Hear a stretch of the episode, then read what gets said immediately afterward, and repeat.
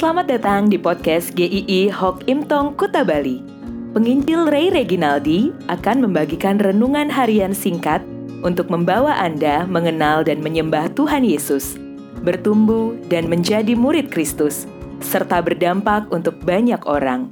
Jika Anda merasa diberkati melalui renungan ini, silahkan bagikan podcast ini agar orang lain juga diberkati.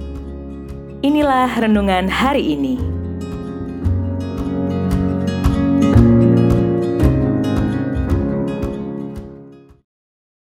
Bisa bukan karena biasa.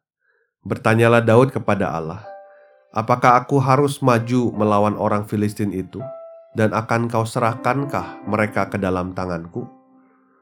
Saya pernah menyaksikan video tentang orang-orang yang melakukan pekerjaan dengan sangat ahli. Bahkan ketika mereka matanya terpejam pun, mereka masih bisa dengan otomatis menggerakkan tangan-tangannya dengan lincah untuk mengerjakan pekerjaannya. Ada yang bekerja di pabrik, ada yang bekerja di dapur, memotong-motong sayuran. Mereka sangat terbiasa sekali dengan hal yang dikerjakan setiap hari dengan diulang-ulang bertahun-tahun. Maka kita sudah biasa ketika mendengar istilah orang-orang seperti itu disebut bisa karena biasa. Seseorang melakukan satu pekerjaan secara berulang-ulang terus-menerus yang tadinya tidak bisa sampai akhirnya menjadi terbiasa, bahkan menjadi mahir.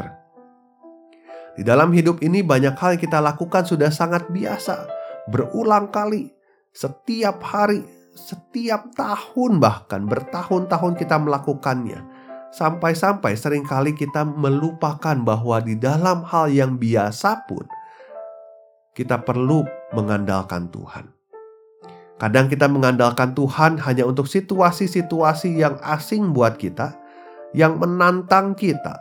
Kita memohon lebih sungguh pertolongan Tuhan. Daud bisa dikatakan sudah sangat terlatih, sudah sangat terbiasa di dalam medan pertempuran. Dia sudah melewati begitu banyak peperangan. Tangannya sudah mahir menggunakan pedang. Pengalamannya membuatnya menjadi seorang ahli strategi dalam peperangan Rekor kemenangannya pun mengagumkan. Dia sangat biasa. Dia sudah terbiasa di medan pertempuran. Dirinya punya semua modal yang diperlukan oleh seorang pemimpin peperangan. Tetapi menarik sekali, dengan segudang pengalaman keahliannya, dia tidak mengandalkan itu semua di dalam setiap pertempuran yang akan dihadapinya. Ketika dia akan berhadapan dengan orang Filistin sekali lagi, Strategi yang paling pertama dilakukannya adalah bertanya kepada Tuhan.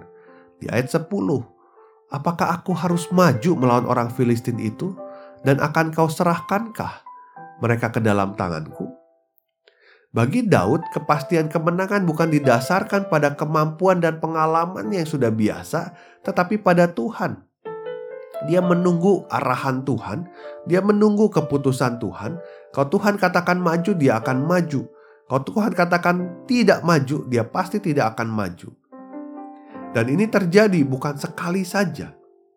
Ketika orang Filistin sudah dikalahkan dan mereka akan menyerang lagi, Daud lagi-lagi bertanya kepada Tuhan ayat 14. Dalam momen-momen ini tampak segala peperangan yang dihadapi Daud seperti pengalaman pertama Daud dalam berperang dia bukan berpegang pada prinsip bisa karena biasa, tetapi bisa bukan karena biasa, tapi bisa karena Tuhan. Sikap Daud menunjukkan kedekatannya, kebergantungannya dengan Tuhan. Tuhan Yesus menunjukkan hal yang indah di Getsemani. Kita tahu Dia adalah Allah yang Maha Besar. Dia punya segala sesuatunya, dia pencipta segala sesuatunya, dia berkuasa atas semuanya. Namun, di Getsemani itu dia berlutut berdoa kepada Bapa sampai tiga kali. Supaya cawan penderitaan yang paling mengerikan itu boleh lalu daripadanya. Namun, dia tetap tunduk pada kehendak Bapa. Dia menjalani salib itu dengan ketaatannya. Dia tidak pernah menjalankan penderitaan yang begitu mengerikan di dalam hidupnya. Namun, yang lebih penting adalah ketika Bapak mengatakan harus menuju salib, dia pun melangkah ke sana. Kita pun seharusnya sangat bergantung kepada Tuhan di dalam hidup ini, di dalam semua situasi. Banyak hal pasti kita sudah sangat mahir melakukannya. Bisnis yang sudah kita tekuni selama belasan, bahkan puluhan tahun membuat kita sangat tahu seluk-beluk semuanya. Namun masihkah kita bertanya kepada Tuhan untuk langkah-langkah yang akan kita ambil dan mentaatinya? Tahun 2020 kita diguncangkan dengan COVID-19. Membuat kita melihat bahwa seluruh rencana di tahun 2020 harus kita majukan lagi di hadapan Tuhan. Harus direncanakan kembali bersama dengan Tuhan. Sama di tahun 2021 ini juga. Semua hal yang akan kita lalui, kita hadapi, bahkan hal yang sudah biasa pun, kita bawa bersama-sama dengan Tuhan. Biarlah seluruh aspek hidup kita ini sungguh-sungguh kita bergantung pada Tuhan, mengandalkan Tuhan, karena kita tidak bisa apa-apa tanpa Tuhan.